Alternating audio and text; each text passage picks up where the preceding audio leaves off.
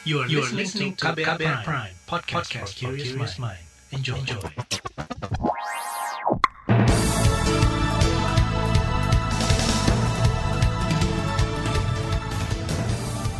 Halo selamat pagi saudara Senang sekali kami kembali bisa menjumpai Anda pagi hari ini di program Buletin Pagi edisi 22 Januari 2021 Pagi hari ini saya Reski Mesanto seperti biasa telah menyiapkan sejumlah informasi untuk Anda Di antaranya pembatasan kegiatan masyarakat diperpanjang hingga Februari Presiden targetkan vaksinasi selesai setahun dan Pemprov Kalimantan Selatan libatkan akademisi untuk mengkaji alih fungsi lahan dan saudara inilah Buletin Pagi selengkapnya.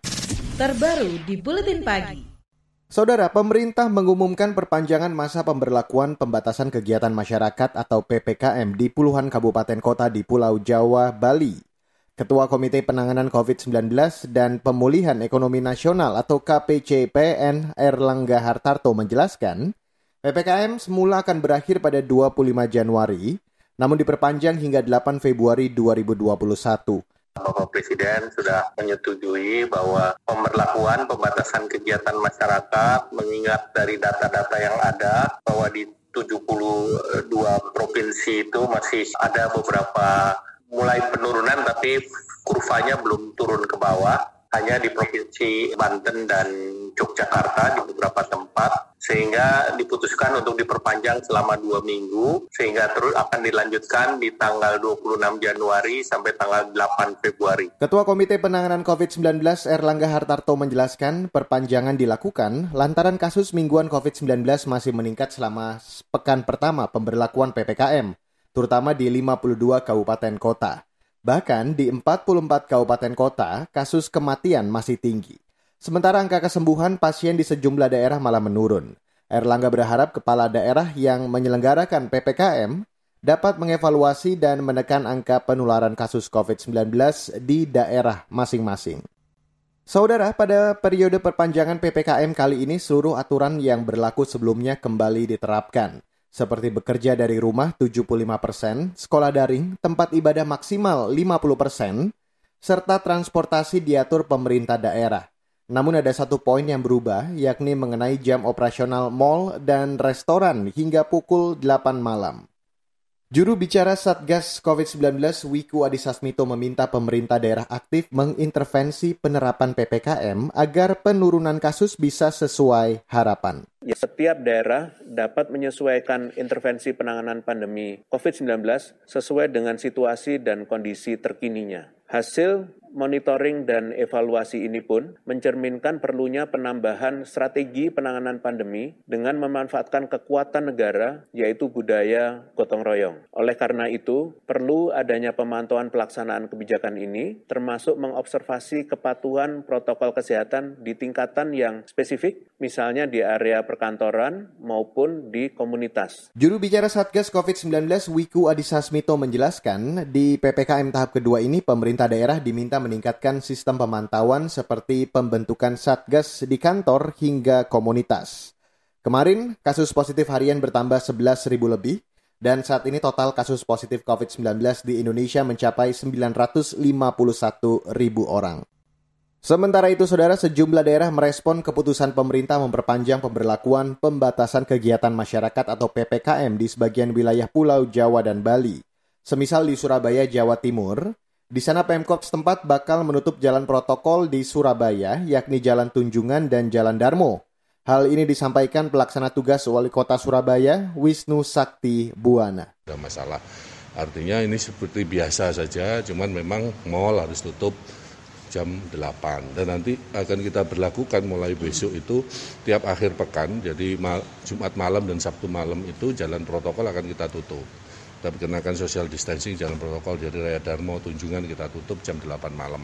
Kita harapkan masyarakat juga paham itu sehingga tidak menambah kerumunan di akhir pekan untuk keluar rumah. Itu yang kita harapkan. Berarti artinya yang penutupan luar sana itu enggak minggu ini aja Pak?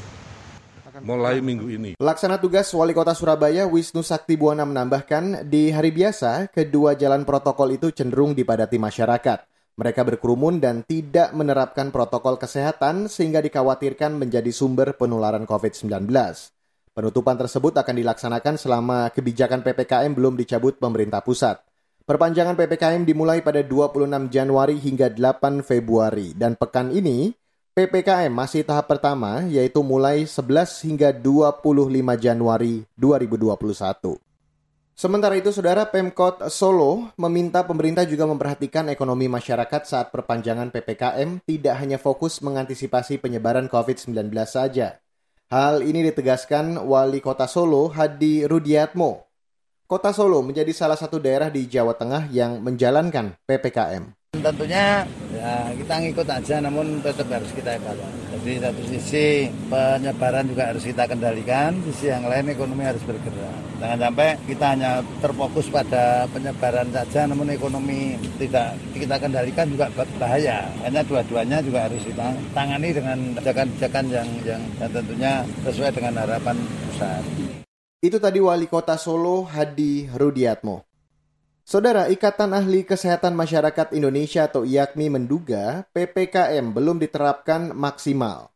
Sebab meski sudah diterapkan hampir dua pekan, kasus COVID-19 masih tinggi dan justru naik. Ketua Satgas Penanganan COVID-19 dari IAKMI, Budi Haryanto, menyarankan dilakukan pengawasan ketat terhadap penerapan PPKM dan protokol kesehatan. Salah satunya di sektor industri yang masih diperbolehkan beroperasi 100%. Artinya keberatan dari PPKM itu belum terlihat juga gitu. Sehingga ketika kemudian hasilnya adalah masih tetap tinggi terus, ya sebenarnya pertanyaannya PPKM-nya betul-betul berlaku, dituruti, dilakukan atau diawasi atau tidak kan gitu. Kenyataannya di masyarakat tidak terjadi apa-apa, gitu. tidak merasa ada PPKM kan gitu. Ketua Satgas Penanganan COVID-19 dari IAKMI, Budi Haryanto juga meminta pemerintah daerah tegas untuk membatasi interaksi antar orang Budi optimis jika pembatasan pembatasan dalam PPKM dijalankan secara teratur akan efektif menurunkan kasus dan menekan penularan. Saudara, operasi pencarian korban dan pesawat Sriwijaya Air dihentikan. Informasi selengkapnya akan kami hadirkan sesaat lagi. Tetaplah di Buletin Pagi KBR. You're listening to KBR Pride, podcast for curious mind. Enjoy!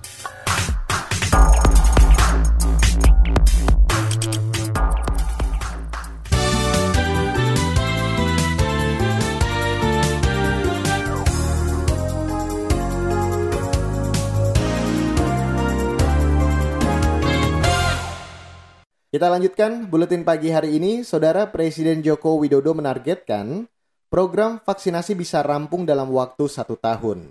Ia mengatakan kesiapan manajemen vaksinasi telah diperhitungkan secara matang.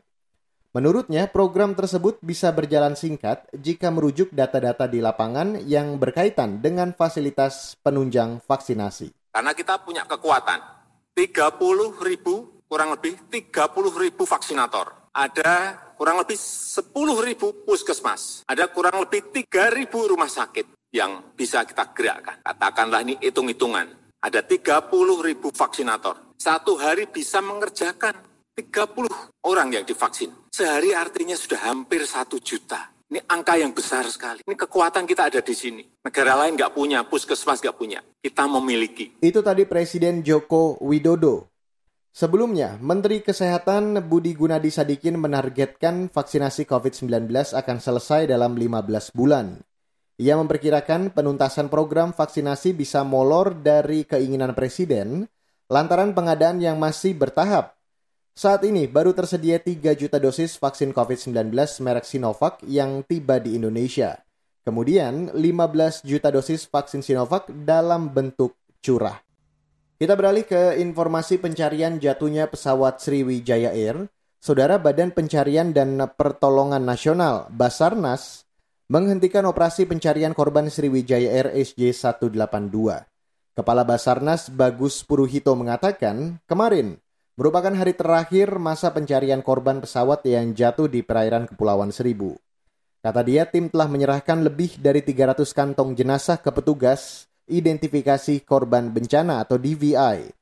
Dan dari jumlah itu 43 jenazah yang teridentifikasi sedangkan 7 identitas lagi segera diumumkan. Kita telah melaksanakan operasi SAR gabungan selama 13 hari. Dari ketentuan 7 hari dan dua kali perpanjangan masing-masing 3 hari, telah berhasil menemukan atau mengevakuasi 324 kantong jenazah yang berisi bagian tubuh korban, serpian kecil pesawat banyak 68, serpian pesir badan pesawat 55, dan FDR pada hari keempat pada tanggal 12 Januari dan ini merupakan sebuah prestasi, serta CVR Electronic Unit atau bagian dari CVR Electronic Unit pada tanggal 15 atau hari ketujuh. Kepala Basarnas Bagus Puruhito menjelaskan operasi pencarian korban dan pesawat Sriwijaya Air SJ182 melibatkan sekitar 4.300 personel 62 kapal laut, dan 15 pesawat.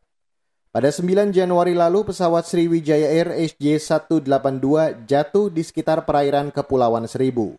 Pesawat yang diproduksi 27 tahun lalu itu membawa 62 orang awak dan penumpang. Kita beralih ke informasi penanganan bencana di Indonesia, Saudara. Tim SAR gabungan mengurangi kekuatan personel evakuasi di lokasi gempa Mamuju dan Majene, Sulawesi Barat. Menurut Direktur Kesiapsiagaan Basarnas Didi Hamzah, pengurangan personel dilakukan karena tak ada lagi laporan korban yang belum ditemukan hingga hari ke-7 evakuasi.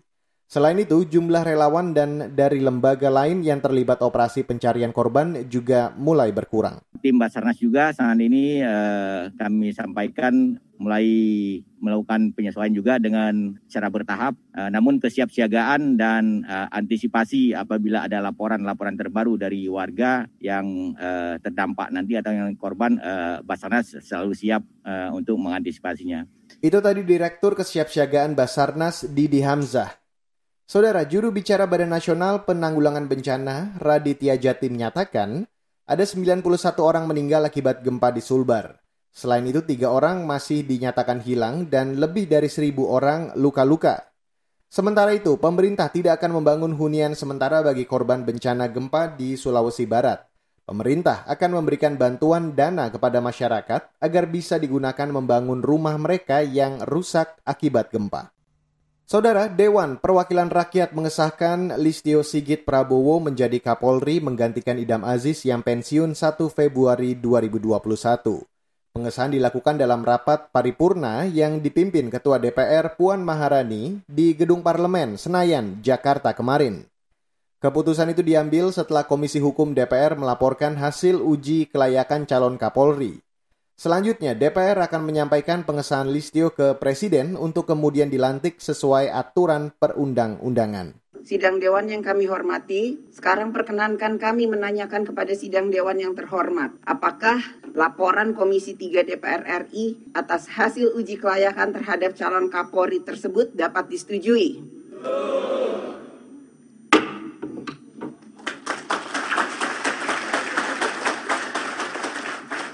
Terima kasih. Itu tadi Ketua DPR Puan Maharani. Dalam uji kelayakan dan kepatutan di DPR Rabu kemarin, calon Kapolri Listio Sigit Prabowo berjanji menghidupkan kembali pasukan pengamanan masyarakat Swakarsa atau PAM Swakarsa. LSM Kontras mengkritik rencana Listio Sigit Prabowo. Peneliti Kontras Danu Pratama menilai langkah itu berisiko karena berpotensi memperluas kekuatan dan pengaruh dari kelembagaan Polri. Apalagi tidak ada kualifikasi atau kriteria yang konkret organisasi mana yang bisa dikukuhkan menjadi PAM Swakarsa. Beralih ke soal ekonomi, Saudara, Gubernur Bank Indonesia Peri Warjio mempertahankan BI 7-day reverse repo rate atau suku bunga acuan. Hal ini diputuskan melalui rapat Dewan Gubernur atau RDG Bank Indonesia pada 20 hingga 21 Januari 2021. Memutuskan untuk mempertahankan suku bunga kebijakan Bank Indonesia, Bank Indonesia 7 day reverse repo rate sebesar tetap sebesar 3,75 persen. Demikian juga suku bunga deposit facility dan suku bunga lending facility dipertahankan tetap sebesar 3 persen dan empat setengah persen masing-masing. Gubernur Bank Indonesia Peri Warjio mengatakan keputusan ini konsisten dengan perkiraan inflasi yang rendah dan stabilitas sistem eksternal yang terjaga dalam rangka upaya mendukung pemulihan ekonomi nasional. Beralih ke berita mancanegara, saudara, Indonesia menaruh harapan terhadap Presiden dan Wakil Presiden Amerika Joe Biden dan Kamala Harris yang baru dilantik. Hal ini diungkapkan Menteri Luar Negeri Retno Marsudi saat jumpa pers virtual kemarin. Tak hanya bagi Indonesia, kepemimpinan baru Amerika diharapkan juga bisa memulihkan perekonomian serta menjaga perdamaian dan stabilitas dunia di tengah menajamnya rivalitas di antara negara-negara besar. Kontribusi positif Amerika juga dinantikan guna menyelesaikan isu Palestina-Israel dengan adil dan sesuai sejumlah resolusi PBB. Kita beralih ke berita olahraga, saudara. Ganda putra Indonesia Muhammad Ahsan dan Hendra Setiawan lolos ke perempat final turnamen badminton Thailand terbuka 2021. Ahsan dan Hendra mengalahkan junior mereka, Pramudia dan Yeremia, dua game langsung di Impact Arena Bangkok kemarin. Namun kemenangan Asan dan Hendra tidak diikuti wakil Indonesia lainnya, terutama di sektor tunggal putra dan putri.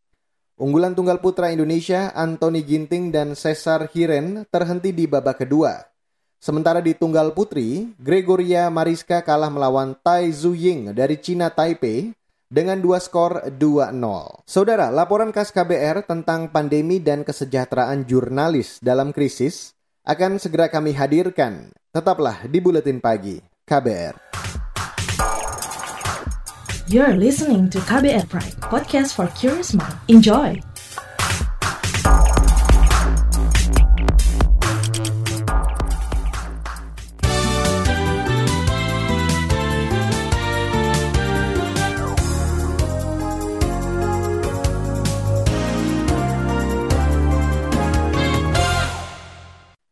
Saudara, pandemi COVID-19 nyata telah berdampak pada seluruh sektor tak terkecuali industri media massa.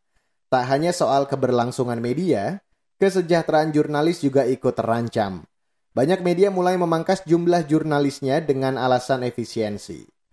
Dan sekarang akan saya hadirkan laporan khas KBR yang disusun oleh reporter KBR Heru Haitami. Lembaga Kajian Reformasi Sistem Peradilan Pidana dan Hukum atau ICGR bersama Lembaga Bantuan Hukum LBH Pers dan IJRS melakukan penelitian mengenai kebebasan pers dan keselamatan jurnalis selama pandemi COVID-19. Jaminan kesejahteraan pers dinilai penting terutama dalam menghadapi pandemi yang sedang terjadi di berbagai belahan dunia. Peneliti dari ICJR Mulki Sadar menyebut ada dua topik mendasar mengenai kebebasan media yang menjadi sorotan – yaitu berkaitan dengan produk jurnalistik dan keselamatan jurnalis, serta mengenai jaminan pemenuhan hak ketenaga kerjaan jurnalis. Kita lihat juga pada awal-awal situasi pandemi, tiba-tiba terjadi peningkatan pengaduan yang sangat tinggi di LBH Pers, uh, pada bulan Juli sudah ada 110 pengaduan. Kemudian terbitnya beberapa uh, instruksi peraturan-peraturan misalnya dari Kapolri yang mencoba untuk menangani hoax, penghinaan pejabat, penipuan jual beli yang pada praktiknya juga sangat berpotensi mengganggu kebebasan berekspresi, uh, kebebasan pers di Indonesia. Hasil penelitian juga mengungkapkan selama pandemi COVID-19 ini, situasi kebebasan pers masih memberikan sejumlah catatan buruk. Jurnalis pernah mengalami penyensoran atas berita yang dibuatnya hingga mendapat ancaman hukum akibat pemberitaan. Sementara terkait situasi keselamatan, jurnalis masih terancam dan minim perlindungan. Tidak hanya terkait dengan kebebasan media, berdasarkan hasil penelitian, situasi pemenuhan hak ketenaga kerjaan jurnalis juga menyertakan catatan merah. Di antaranya pemotongan upah, pemutusan hubungan kerja hingga pemotongan hak-hak lainnya. Ini disampaikan Direktur Lembaga Bantuan Hukum Pers Ade Wahyudin. Ini rekomendasi dari seluruhan penelitian ini. Yang pertama, pemerintah melalui Kementerian Ketenagakerjaan dan jajarannya melakukan pengawasan dan penindakan terhadap pelanggaran-pelanggaran hak ketenagakerjaan jurnalis, terlebih dalam situasi pandemi. Dan untuk aparat penegak hukum, menegakkan dan perlindungan menegakkan perlindungan hukum bagi produk pers dan jurnalis sesuai dengan Undang-Undang Pers. Mengenai kesejahteraan para pekerja termasuk jurnalis, Kementerian Ketenagakerjaan mengklaim pemerintah sudah mengeluarkan produk hukum untuk memberikan perlindungan bagi para pekerja. Menteri Ketenagakerjaan Ida Fauziah mengklaim pemerintah sudah meminta perusahaan untuk menata ulang kondisi, kemudian situasi, dan juga lingkungan kerja untuk menjamin keselamatan dan kesejahteraan karyawan. Penataan baru ini tentu menimbulkan perhitungan ulang hak-hak yang diterima oleh para pekerja. Jam kerja yang berkurang atau berubah tentu menimbulkan konsekuensi berkurangnya penghasilan yang diterima oleh para pekerja. Demikian pula situasi keuangan perusahaan yang terdampak pandemi, maka melihat kondisi ini Kementerian Ketenagakerjaan selalu meminta agar proses ini dibicarakan. Berulang-ulang kami sampaikan, saya secara pribadi menyampaikan, dibicarakan, kemudian disepakati secara bipartit. Ketua Komisi Hukum dan Perundang-undangan dari Dewan Pers Agung Darmajaya mengatakan, saat ini sudah banyak aturan terkait dengan perubahan untuk menyesuaikan diri dengan kondisi pandemi. Dalam kondisi pandemi ini yang dibutuhkan media menurutnya adalah upaya bertahan sehingga perusahaan tetap bisa memenuhi hak para pekerja. Untuk itu Agung mengusulkan adanya pemberian kompensasi bagi perusahaan media. Dewan Pers menginisiasi adanya pembahasan di media sustainability. Bagaimana media juga harus hidup. Kalau selama ini hanya bicara aturan, aturannya sudah cukup banyak. Hanya persoalannya tadi, sekarang dalam posisi yang medianya bisa hidup atau tidak. Berbagai upaya yang dilakukan oleh Dewan Pers dan teman-teman konstituen melakukan upaya mendorong pemerintah untuk memberikan kebijakan insentif kepada media. Sekali lagi bahasanya tolong dicatat dan digarisbawahi, bukan meminta dalam artian kemudian menggadaikan idealisme media bukan, tapi artinya sesuatu yang sangat konstruktif Anggota Dewan Pers Agung Darmajaya mengatakan kompensasi bagi perusahaan media misalnya berupa insentif pajak perusahaan, biaya listrik, kemudian insentif kertas bagi perusahaan media cetak, dan juga jaminan sosial ketenaga kerjaan. Dengan demikian, perusahaan bisa terbantu mengatasi kondisi ekonomi yang berat akibat dampak pandemi. Laporan ini disusun Heru Haitami. Saya Agus Lukman. Saudara, informasi dari daerah akan kami hadirkan sesaat lagi. Tetaplah di Buletin Pagi KBR. Commercial break. Psikolog klinis Gisela Tani Pratiwi membagi tips caranya berdamai dengan trauma masa kecil uh, ayah atau ibu saya mengata-ngatai saya dengan kalimat tertentu. Misalnya kamu bodoh, misalnya katakan gitu ya. Itu terngiang terus sama saya, itu dampak emosinya apa ke saya? Gitu ya. Jadi pemicunya apa, dampak emosinya apa, lalu sensasi badannya seperti apa, kemudian pemikiran apa yang muncul. Oh iya, memang saya bodoh, saya nggak bisa ngapa-ngapain. Terus emosinya saya jadi merasa sangat sedih, sangat menyalahkan diri kayak gitu ya segala macam. Nah itu dikenali dulu aspek-aspek ini. Kalau misalnya sudah dikenali, bisa dikeluarkan. Simak obrolan selengkapnya dalam podcast Disko Diskusi Psikologi dalam episode Berdamai dengan Trauma Masa Kecil di kbrprime.id dan platform mendengar podcast lainnya.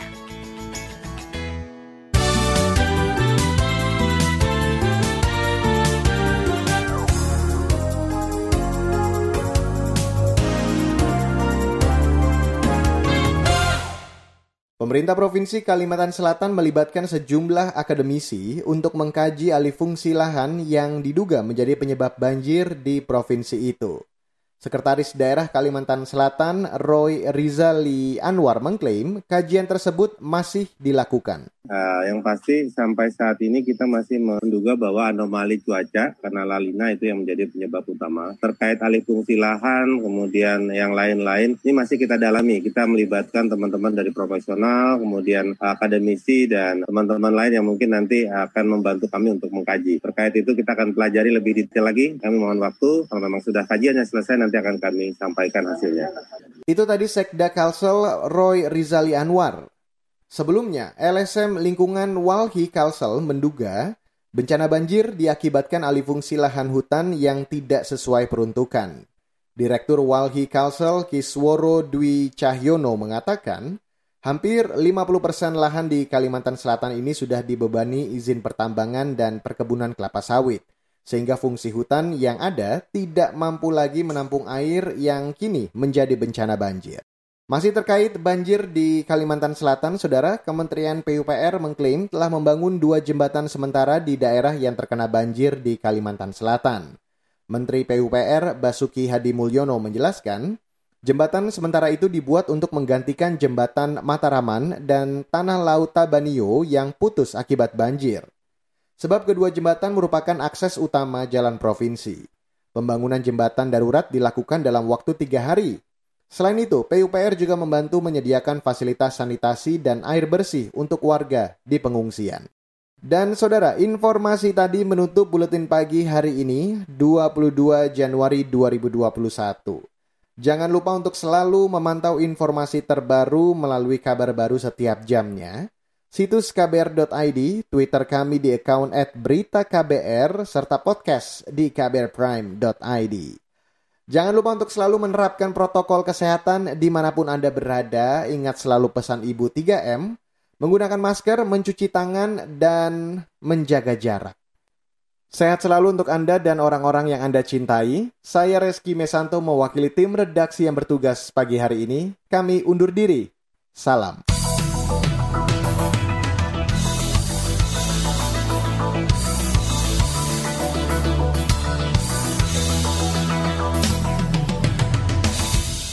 KBR Prime, cara asik mendengar berita. KBR Prime, podcast for curious mind.